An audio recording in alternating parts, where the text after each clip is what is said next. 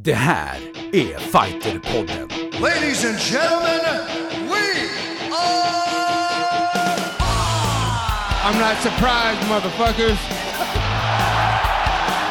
Touch gloves. Get ready for war. Uchimata! And ladies and gentlemen, the mauler, Alexander Gustafsson. Oh my God! Double leg. He just got double leg. I'm gonna show you how great I am. Varmt välkommen till det här specialavsnittet ifrån Nice. Fighterpodden. Nu är det Fight Week. Exakt. UFC Sverige, det är häftigt. Bara några dagar kvar. Det där Wow. är Edenblad, det där är Simon Kölle, jag heter Yes. Mårten Söderström och tanken med den här podden som är ganska kort idag är att prata om uh, fightcardet Mm. och vem Simon tror vinner, alltså vem man ska betta på. Och då har jag en idé att jag kommer betta exakt som Simon säger och Elin kommer be- betta precis tvärtom. Och sen när vi har nästa podd så gör vi en uppföljning. Eh, exakt.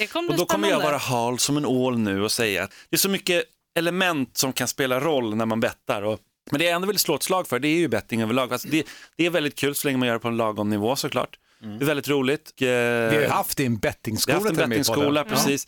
Men, det, är- men det är just det att för mig är det så här att tittar jag på en gala utan att ha bettat nu, framförallt en UFC-gala då, då tycker jag inte det är riktigt lika roligt. För man, man, man hejar verkligen på att det, ja, det, det är inga problem i Sverige. Här behöver man ju egentligen, den här galan behöver man ju inte betta för att få upp liksom lågan.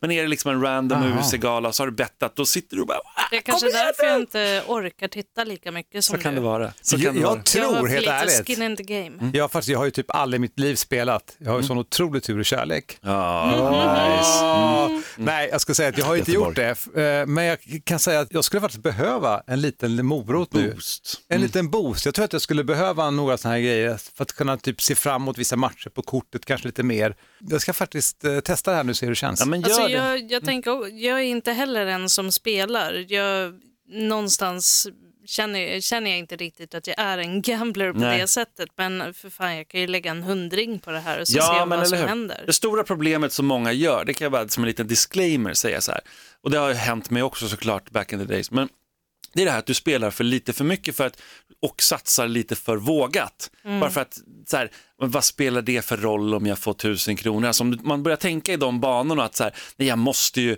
för att det här verkligen ska vara värt det, då behöver jag minst om det dra in 12 000. Alltså, folk tänker så ibland, vissa, jag har hört många säga det, att då satsar man lite för vågat och då förlorar många. Så det är ändå så att oddsen är där av en anledning och tittar man på statistiken så, så stämmer överlag att huvudmatchen går till favoriten. Det är, det är jättehög procent chans, alltså så att huvudmatchen går. Det är lite oftare att just faktiskt eh, co-main event, att där, där, är, det- där skrällar det lite oftare, ska jag säga. Än, Och det här har du statistik det här på? finns statistik på det. De har gått igenom Okej. alla UFC-galor från första början och gått igenom allting. Så det, det finns väldigt mycket statistik där ute. Ja. Ja.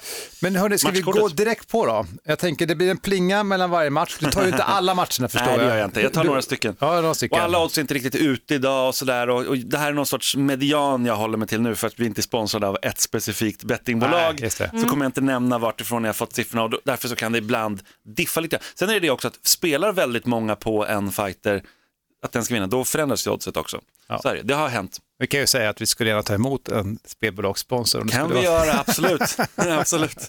Nej, okej, då. då kör vi då. Det gör vi. Jag tänker att vi börjar uppifrån och ner. Så Alexander Gustafsson mot Anthony Smith, Smith kommer ju vara huvudmatchen. Och det, till att börja med, vad tycker ni om den?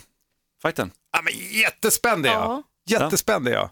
Men vad tänker ni oddsmässigt då? Vad, vad tänker ni? Nu har inte ni några siffror framför mig, jag har det. Ja. Hur, hur känner ni där? Då säger jag att Alexander Gustafsson är favorit. Det säger tror jag med. Mm, tror jag. Inte med världens största marginal, men jag tror ändå han är det. Precis, i dagsläget då så står han i 1,36 gånger pengarna och Anthony Smith är 3,15. Så Oj. då, det talar ju för att man skulle kunna tänka sig lägga ett spel på Anthony, sådär. men samtidigt väldigt mycket stati- statistiskt då så talar det här, det är en match, alltså det är en stående fighter framförallt, absolut, han kan brottning, men men Alexander Gustafsson har eliminerat brottningen alltså från väldigt många, tagit ner eh, alltså, de bästa i hela världen, alltså faktiskt tagit ner liksom John Jones och jag menar alla liksom. Så att, Jag tänker att jag ska fan betta på Anthony, för då kommer jag bli glad oavsett vad som händer.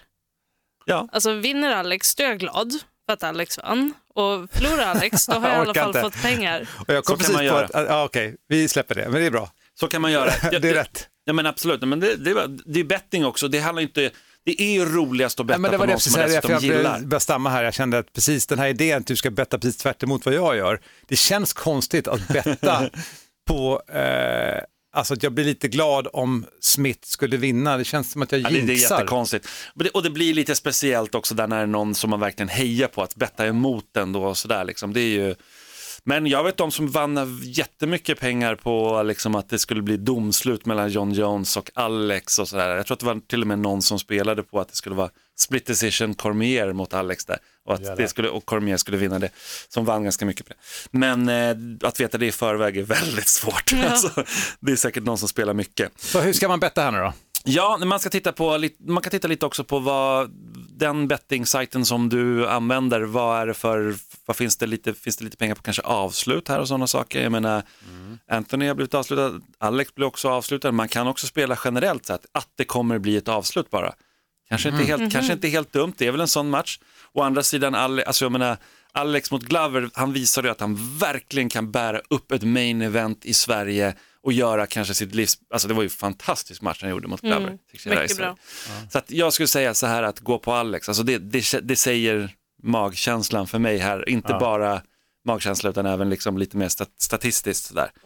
Men som sagt, titta lite på, kommer han avsluta eller inte och sådär. Det är ju en tuff motståndare, det är det verkligen. Och sen nästa match då, om vi jobbar oss neråt, här är det ju större chans då statistiskt att underdogen vinner. Och där har vi Volkan Ozdemir som möter Ilir Latifi. Och Ilir förlorade sin senaste match eh, och det var tufft, han blev väldigt trött. Volkan Ozdemir har förlorat tre nu, tuffa matcher verkligen, men eh, Jaha, vad, är Irak? vad är oddsen Ja. här nu? Nu blir det Oj. svårt. Och där då, vad, hur ser oddsen ut? Det kan, ni behöver inte gissa på varenda match vad, vad oddsen är, men, Ja, men säg då. där har vi ju då faktiskt Ilir som underdog. Två fe- 2,15 gånger pengarna i dagsläget och eh, Volkan Ozdemir 1,69. Och som sagt, nu sa jag inte det här med statistiken bara för att, utan där tror jag faktiskt man kan tänka lite mer i de banorna. Volkan är dock stor, han är lång, han är, har, slår väldigt hårt. Ja, han påminner ju lite om en eh, viss polsk fighter, en lång eh, jäkel som heter Blaovic. Mm, Blaovic, som, ja. precis, som eh, lyckades träffa eh, Ilir med en leverspark där när de möttes. Ja, den sved. Den Ja. sved verkligen. Så att, och det är lite så här, jag tror att bet, bettmakarna då, som det faktiskt heter faktiskt så löjligt namn, kan nog titta lite och tänka, ha, Ilir blev ganska trött sist, men å andra sidan, Volkan har förlorat nu flera i rad. Mm, de ligger ganska nära varandra, men de alltså sätter, fast det är hemmaplan så sätter de att Ilir ska förlora den matchen och där är ju spännande. Titta på Hur den. ser rankingen ut på de två? För nu är ju Ilir rankad nia i viktklassen Mm. och Ostermir är ju rankad sjua. Så där kan man ju också förstå kanske att Ilir är underdog i den fighten. Ja, jo men så kan man ju tänka, men med tre förluster i ryggen och det var, det var inga dåliga, alltså, duvungar Volkan har förlorat mot heller. Det är Daniel Cormier med TKO förlust och sen så var det Anthony Smith och då blev rear naked chokad och sen så var det ju en eh, split decision eller en delat domslut där mot Dominic Reyes.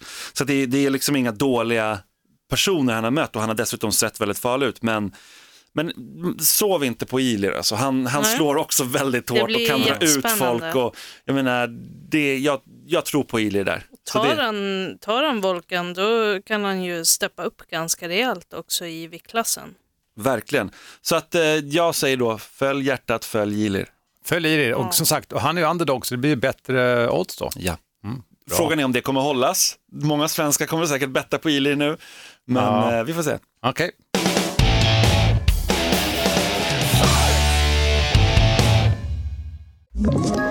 Ett poddtips från Podplay.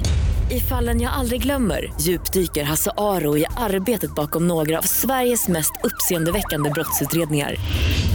Går vi in med hemlig telefonavlyssning och, och då upplever vi att vi får en total förändring av hans beteende. Vad är det som händer nu? Vem är det som läcker? Och så säger han att jag är kriminell, jag har varit kriminell i hela mitt liv men att mörda ett barn, där går min gräns.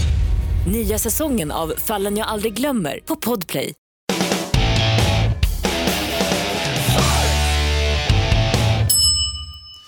Och sen har vi då, vi går, jobbar oss neråt här, då har vi Jim, Jimmy Manua som är adopterad svensk, skulle jag nästan på säga. Mm. Han fightas ju för All Star eh, Fighting Center och det är ju, han möter ju där Alexander Rakic. Eh, Och eh, vad tänker ni där alltså? För han är ju en, båda de här är ju tuffa strikers och Jimmy Manua har ju haft det lite, lite jobbigt får man ju säga med, med enkelhet. Men han har ju också visat på att han är, han är ju en fantastisk striker liksom.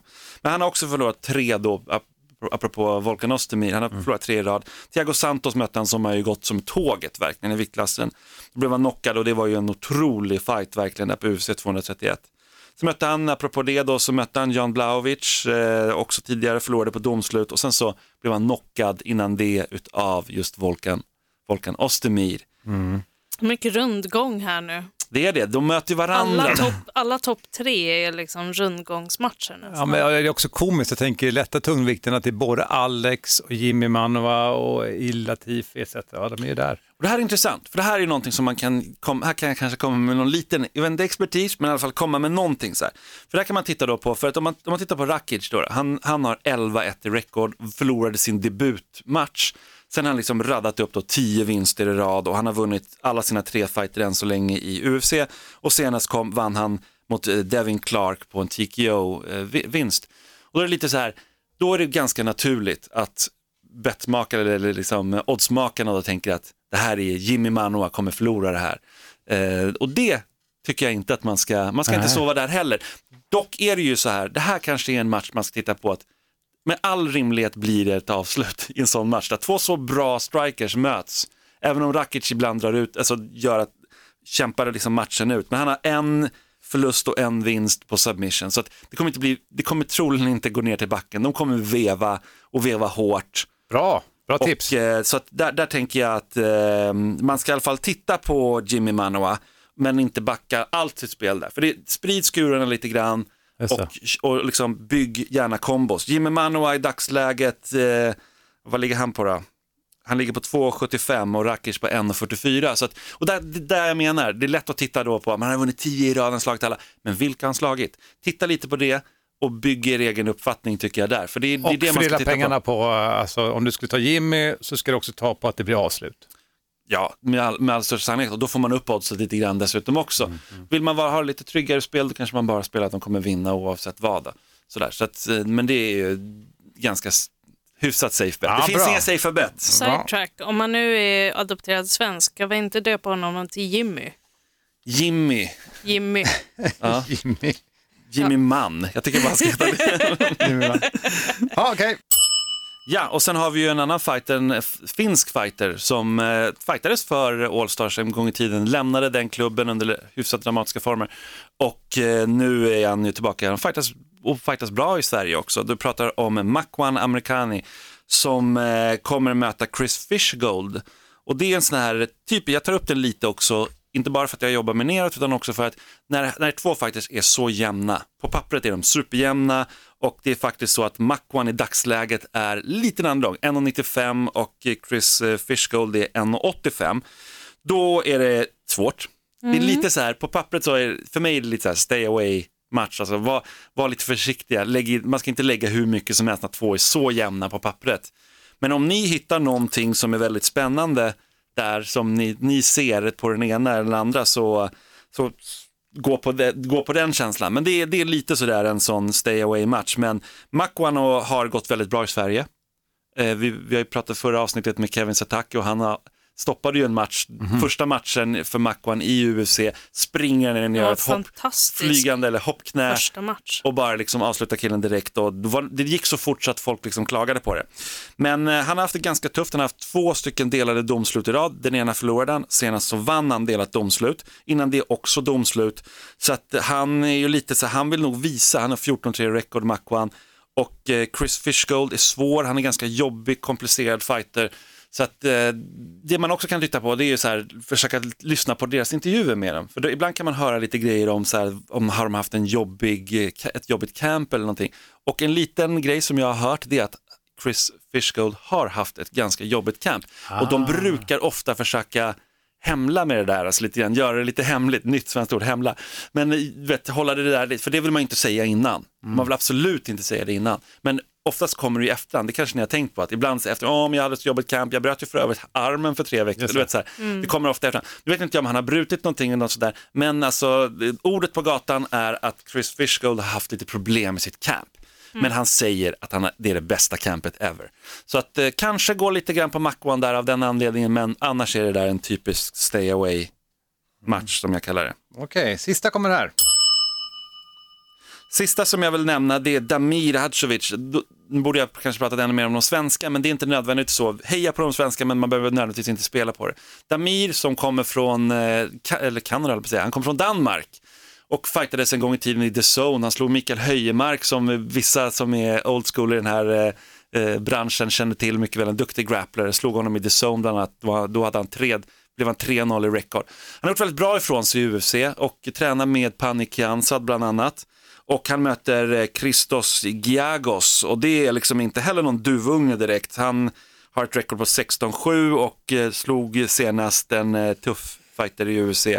Men förlorade innan det mot Charles Oliveira och Charles Oliveira är väldigt bra. Han har vunnit fem i rad nu i UFC och sådär. Så att det, där ska man liksom inte göra en jättestor grej av att han förlorade den matchen. Titta istället på hur är han när han är bra. Och Damir då å sin sida, han, är ju, han går ju som tåget lite grann just nu och eh, har vunnit två i rad. Eh, En som har delat domslut mot Nick Hein som också finns på fightcardet. Och Nick Hein, tysk fighter som är väldigt tufft, gammal militär, som är väldigt, han är jobbig Duktig möta grappler är han ju. jätteduktig grappler och stabil stående och han drar ut fighters. Alltså, har man en domslutsvinst eh, mot Nick Hine så betyder det någonting och att Damir lyckades få till den så i, i min bok så höjdes Damir väldigt mycket av den fighten, även om man, många glömmer det, tittar på pappret bara så här, men, ja, delat domslut, ja, det var, då vann han nog inte den speciellt tydligt. Nej, det var inte tydligt, men det är inte lätt att vinna tydligt där.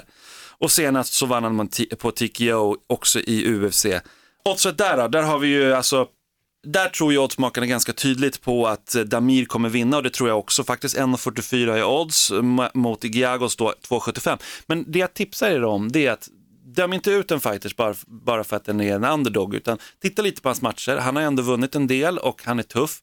Men Damir går som tåget just nu så att är det någon sådär Antingen så stay away eller Jag gå noterar, faktiskt på ja. Damir. Jag tror det finns ingen så här jättetydlig jättetydligt att den- den underdogen ska, ska vinna någonstans. Ska ni gå på en underdog, jag kan nämna det, vill du plinga mellan så ska jag bara säga lite bonus här då, kommer lite här. Och då har vi ju så här, titta till exempel på Bea, hennes fighter väldigt tuff, 3-0 i rekord har hennes motståndare Eduarda, eh, Cowboy Sinja som hon kallas, hon är, hon är väldigt, väldigt tuff och stark fighter. Men Bea ska man inte hålla, eh, liksom, ska man verkligen inte räkna bort och hon är en eh, bra underdog där som man kan kika lite på. Och eh, ja, that's it.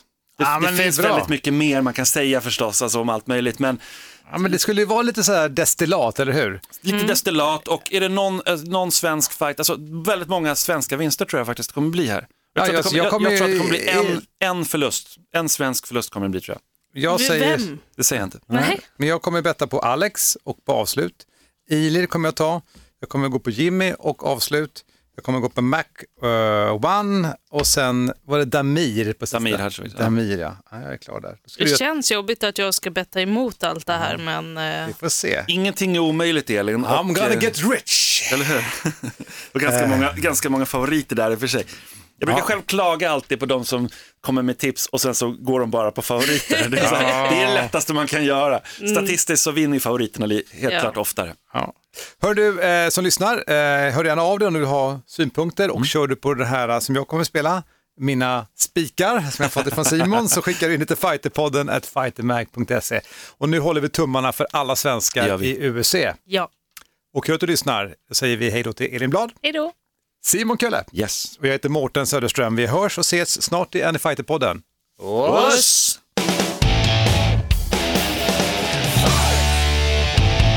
Fighterpodden produceras av Suba Media för Radio Play. Ett poddtips från Podplay. I podden Något Kaiko garanterar östgötarna Brutti och jag, Davva, dig en stor dos skratt. Där följer jag pladask för köttätandet igen. Man är lite som en jävla vampyr. Man har fått lite blodsmak och då måste man ha mer. Udda spaningar, fängslande anekdoter och en och annan arg rant. Jag måste ha mitt kaffe på morgonen för annars är jag ingen trevlig människa. Då är du ingen trevlig människa, punkt. Något Kaiko, hör du på Podplay. Därför är gardinerna.